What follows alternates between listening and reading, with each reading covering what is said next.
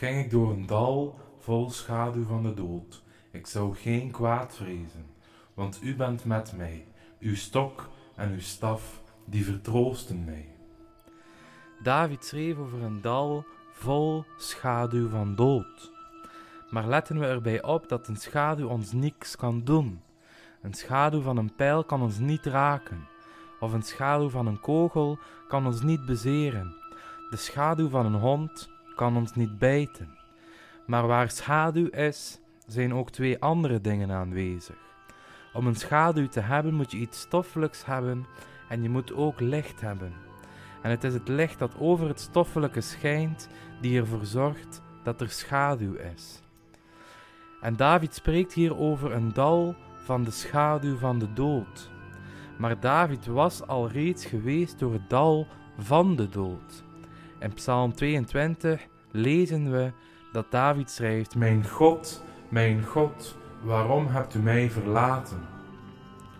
Het dal van de dood, waar ook Jezus is doorgegaan aan het kruis en ook Jezus zei: Mijn God, mijn God, waarom hebt u mij verlaten? Dat is het dal van de dood, dat je door God verlaten wordt. Dat is het dal van de dood. Matthäus 7, vers 23 spreekt ook over het dal van de dood. Daar staat: Ik heb u nooit gekend, ga weg van mij. Dat is het dal van de dood. Dat is wat Jezus heeft meegemaakt aan het kruis. Hij, die geen zonde kende, werd tot zonde gemaakt voor ons. Maar als David spreekt over het dal van de schaduw van de dood, dan heb je dus het stoffelijke en licht nodig om een schaduw te bekomen. Want zonder licht is er geen schaduw. Johannes 8, vers 12 zegt: Wie mij volgt, zal beslist niet in de duisternis wandelen, maar zal het licht van het leven hebben. En dat is het verschil dat wij, die erkennen dat de Heer onze redder is, hebben. Als een ongelovige sterft zonder Jezus en zonder God, dan wordt hij wakker in een donkere, duistere plaats. Maar als wij als ware christenen sterven, dan openen wij onze ogen en worden we wakker in het licht. Paulus schreef: Maar wij hebben goede moed en wij hebben er meer behagen in om uit het lichaam uit te wonen en bij de Here in te wonen. Je opent je ogen en je ziet degene waar je zoveel van houdt. Je sluit je ogen en je opent ze opnieuw en je ziet het gezicht van Jezus. Uw stok en uw staf, die vertroosten mij. Vraag je je soms wel af waarom David spreekt over de stok en de staf die hem vertroosten als hij de dood tegemoet gaat. En David heeft de dood meerdere keren onder ogen gezien. Hij zag de dood bij het vechten met een leeuw.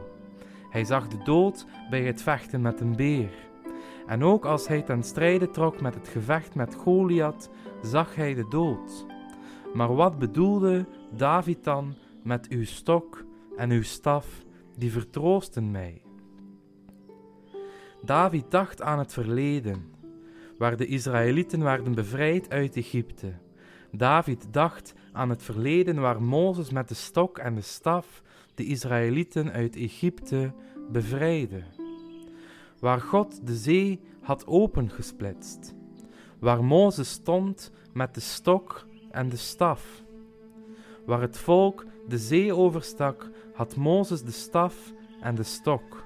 De staf en de stok waren voor de tegenstander bedoeld. En daarom zegt David: Uw stok en uw staf, die vertroosten mij. Ja, goedheid en goederentierenheid zullen mij volgen al de dagen van mijn leven, schrijft David. Overal waar we gaan, goedheid en goederentierenheid zullen mij volgen al de dagen van mijn leven. En dan zegt David: Ik zal in het huis van de Heere blijven tot in lengte van dagen. Denk daar maar eens over na. David zegt niet: Ik zal in het huis van de Heere blijven voor duizend jaar. David zegt niet: Ik zal in het huis van de Heere blijven voor een miljoen jaar. Nu David zegt, ja, goedheid en goederentierenheid zullen mij volgen al de dagen van mijn leven, en ik zal in het huis van de Heere blijven tot in de lengte van dagen. Zoals andere vertalingen het ook wel zeggen, voor eeuwig. Een prachtige eeuwigheid. En soms wensen we onze vrienden en onze familie ook wel een gelukkig nieuwjaar toe. Maar God, de Heilige Geest, die wenst ons een gelukkige eeuwigheid toe. Is dat wat wij onze dierbaren toewensen? Een gelukkig nieuwjaar? Of wensen we hen een gelukkige eeuwigheid toe? Je daden en je woorden bewijzen wat je ze toewenst. En ik hoop dat je een andere kijk hebt gekregen bij het lezen van Psalm 23. En ik hoop dat net als David wij ook deze psalm in ons hart kunnen plaatsen en ook kunnen uitvoeren. Zo, ik wil overgaan tot het gebedspunt en de opdracht.